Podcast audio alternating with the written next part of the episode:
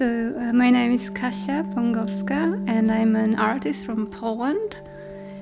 Uh, so I work with installation and photography, um, and I also work with participatory projects um, with performance. But I'd say that generally I'm very, very interested in social angle of things. So this is the most important aspect for me always. There um, there are so many th- interesting things I've seen here that I could talk for hours or maybe at least for some more time. Uh, and one of the uh, very, very interesting topic that just somehow I find touching is the mass emigration from this part, from Sweden, this part of Sweden as well, to uh, not just to the US, because those were the rich people who were able to afford the ticket across the ocean, but to Denmark and uh, Germany. And one of the exhibits, uh, one of the objects at the Blekinge Museum, uh, is a piece of bread uh, from, I guess, 1868. And it was the year of the famine uh, here. And the bread is the bread is made of moss. Uh, I have that a picture of that bread on my computer, and I look at it quite often. I, I find it very touching. Uh, it, it survives centuries and and it seems like you know, not much change in the world. Maybe it's changed here, uh, but maybe it changed here, but not in other parts of the world. I understand that you have a special interest for for the uh, archipelago here in Blekinge. Yes, it's true. I find this place quite a unique geographical setting because when you think about what's going on in the world uh, nowadays, then you may start to think about the the Blekinge archipelago as a maybe a litmus paper maybe it's kind of like a magnifying glass that uh, could reflect the things that are going on uh, today on the global scale. And then, if you think of an archipelago, it's a set of islands. So, first of all, you think uh, that today, I mean, not just today, I think it's in it's been going on forever the dream that people had of a paradise island that there exists like a separate place that is this kind of like an island a paradise and it's not touched by the conflict and wars and poverty and hunger and especially today in the because since we live in such anxious times since we live in this times of uh, mm, never seen before uh, global shifts the climate change the the demographic change, the automatization, and we we see today like mass migration. So I think people today even more are searching for this paradise island. But then again, archipelago is not just an island; it is a set of islands. So you immediately start to think about relations between those islands and then you realize that no island can exist on itself. It's always it always exists in relation to another island, in relation to the shore, uh, in relation to the sea. So you may think about the archipelago from that philosophical perspective for sure. And since we're talking about it, so also the other factor is so very very special and unique about this place is that it is a defense system. Uh, well, the geographically it's uh, and urbanistically it's unique in the world. Uh, that's also extremely interesting. We visited uh, the military zone in Karlskrona. Uh, it was like a dense mist, and we just heard constant uh, gunshots from the sea because some military exercise was taking place. And we heard those gunshots from the sea. Uh, you you immediately thought about the situation in the world and why those military exercises take place all the time. You also have thoughts about the identity of being an, an islander. Yes, I. If you think what's going on politically in the world nowadays, uh, so you basically see this trend to to promise all of us that that we could be islanders without any connection to the outer world and to another to other people. So you mean it's that also metaphorically? metaphorically so we uh, we are told that there is something like us and them. So we are an island and we are us. And uh, there are growing trends to to think of societies in such an uh, such a way that we are our island separate separate from anything else. But then, if we shift that perspective and we think about the archipelago, and we realize that we always exist in a wider, much, much wider context, and anything else maybe isn't true. Hmm. It's just a false a promise. I know that you are going to have a workshop tomorrow mm. in Olofström. Yes, uh, tomorrow is the first one, and the day after tomorrow is another one. And since you've been asking about identity, uh, like the workshop I'm having tomorrow is about uh, hospitality, and it's very, very interesting. Uh, the topic I found uh, an old uh, um, essay on Blekinge, I think from the 18th century, and it says that Blekinge people are famous for their hospitality. And then, if you think about it, uh, if you look at the etymology of the word hospitality, it comes from the Latin word hospes, and this word means a guest, but it also means a stranger. Uh, it means it means the other. So what is imp- and also it even meant enemy. So to be hospitable uh, from the very uh, origin of the word, it meant to host your enemy or host a stranger. So it's very interesting to to think about hospitality in such a way that it's like inviting someone who is not like me someone who maybe thinks differently or speaks differently. Uh, and I was also thinking and trying to look at different languages, and I realized that uh, in um, Scandinavian languages, it's uh, guest frihet, so it contains the word freedom, or it contains a guest vänlighet, it contains the word uh, friendliness. Uh, and then in another language, it contains the word love. And uh, I've just heard from Taavi, the Estonian uh, artist, it contains the word generosity. Uh, and in my language, Polish, it's also very interesting because it contains this original Latin word otherness or strangeness. So during the workshop tomorrow, we'll work with the topic of hospitality and we'll try to figure out uh, if it if we can think about uh, having our guest, uh, giving freedom to our guest, and not just about assimilating or maybe rejecting, but maybe about really listening and trying to become enriched by other meanings, by other texts, other thoughts. Um, so this is one thing, and another topic is uh, we've talked about it at the museum that right now that uh,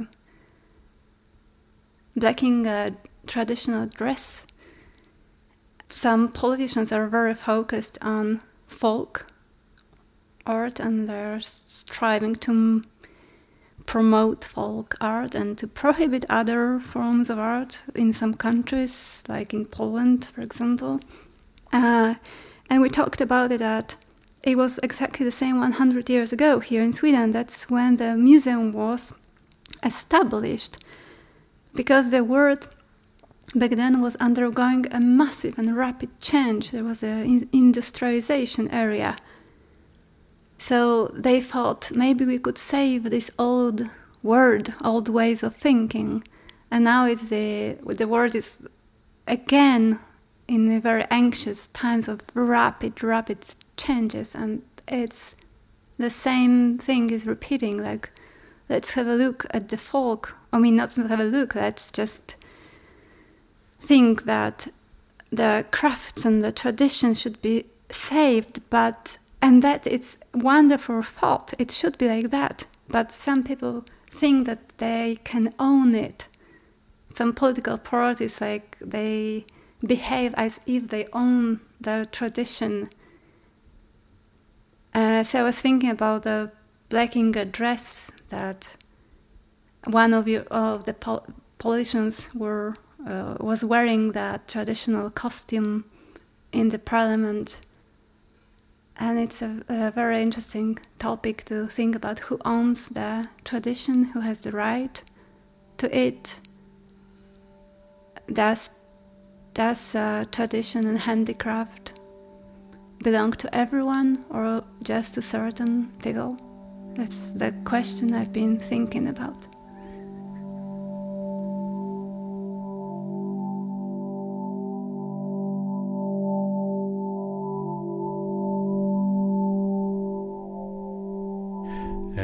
My name is Taavi Suisalu, and uh, I'm an artist uh, based in Tallinn. Um, yeah, living in Tallinn, originally from Estonia as well. Um, I do work mostly with technology, yeah, uh, sound as well, mostly in, um, in installation or like installation-based works, mostly in the galleries, but also sometimes in uh, performative situations. Yeah, I think. Um, uh, there's two starting points. Um, uh, what I've been um, kind of interested in recently and uh, been working here as well. And one of them, yes, is the um, first ever image taken of a black hole, which was published uh, this year in April. So I was really looking at all of those uh, press conferences where uh, the scientists were kind of presenting the results, and um, and the mood was kind of uh, very. Um, uh, um, they were really like celebrating the event, and they were really happy because uh, there was a lot of energy and uh, effort went into obtaining that image, and also yeah, a lot of engineering as well. Uh, and it was actually a huge uh, engineering uh, effort because they uh, used 13 um, telescopes around the world. And then they kind of built from these 13 telescopes one telescope which was the size of the Earth. So they kind of linked all those um, yeah, telescopes uh, to obtain or to have a telescope as large as they needed to actually reach so far and take the image. And then I kind of started to look how they actually got the image or what was the process of obtaining the image and um, and there were quite many interesting details because um, uh, if we have a telescope the size of the earth which consists of 13 separate kind of uh, small telescopes, then we basically only get pixels or part of the image from these 13 points.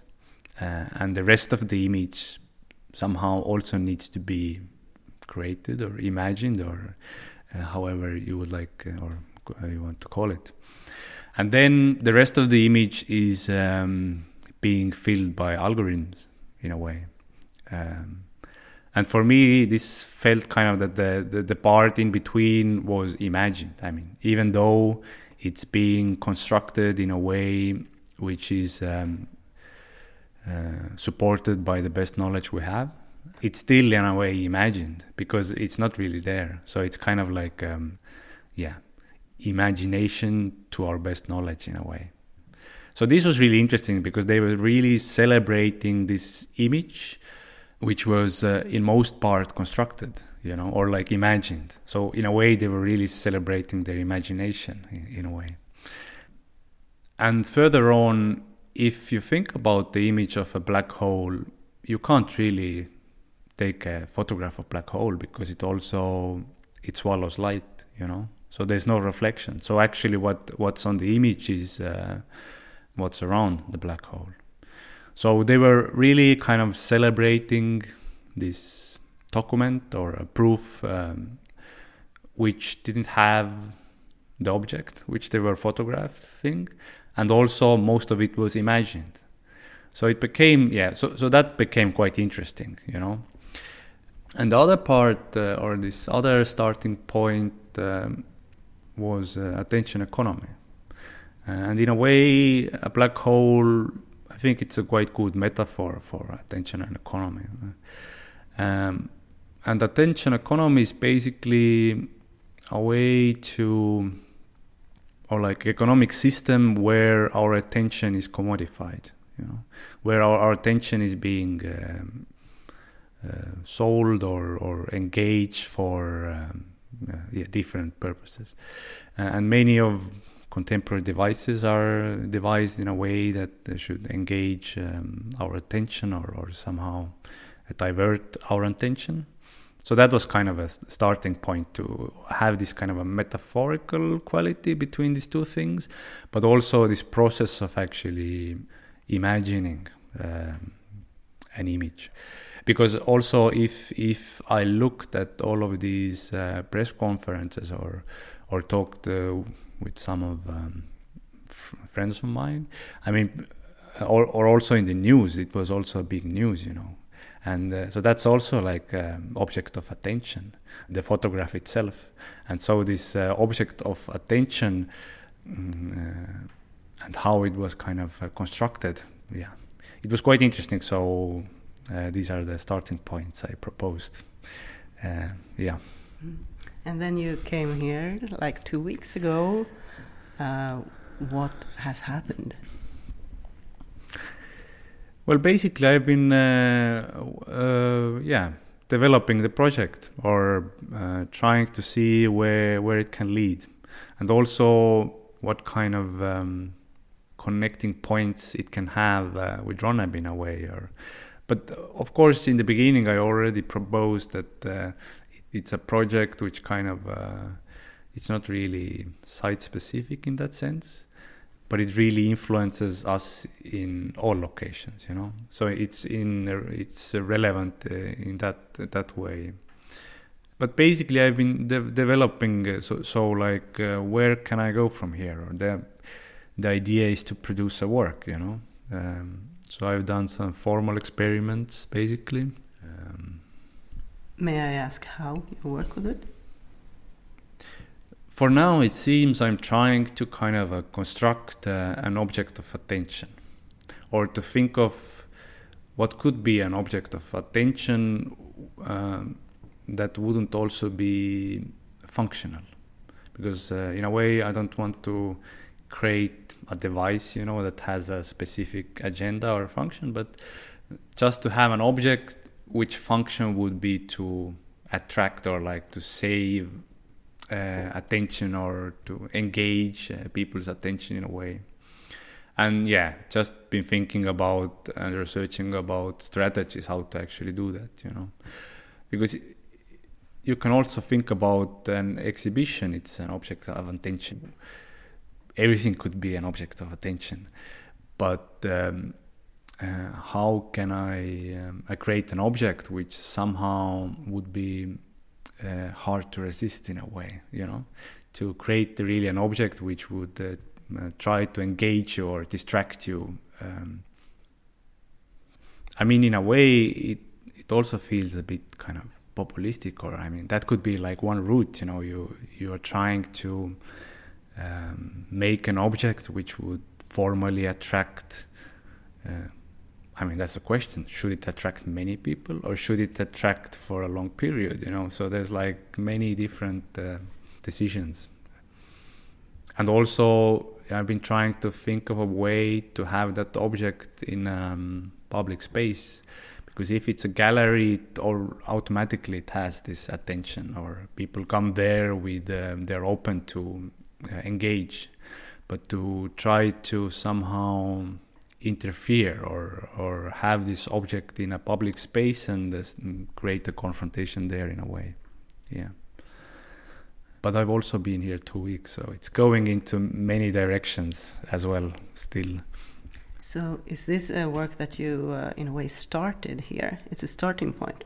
It is. It's it's really a starting point uh, to work uh, on this idea here and to see actually where where could it go uh, I mean, I don't even think about production now. I'm trying to see where it can go actually. Yeah. And it's another thing like I'm not sure if uh, I want to really only build some kind of a, um, uh, illustration to this two, two of these ideas because in my work I like to create objects which are which have metaphorical qualities but uh, what also exist in our world. To have things which could be part of our um, everyday life or everyday environment.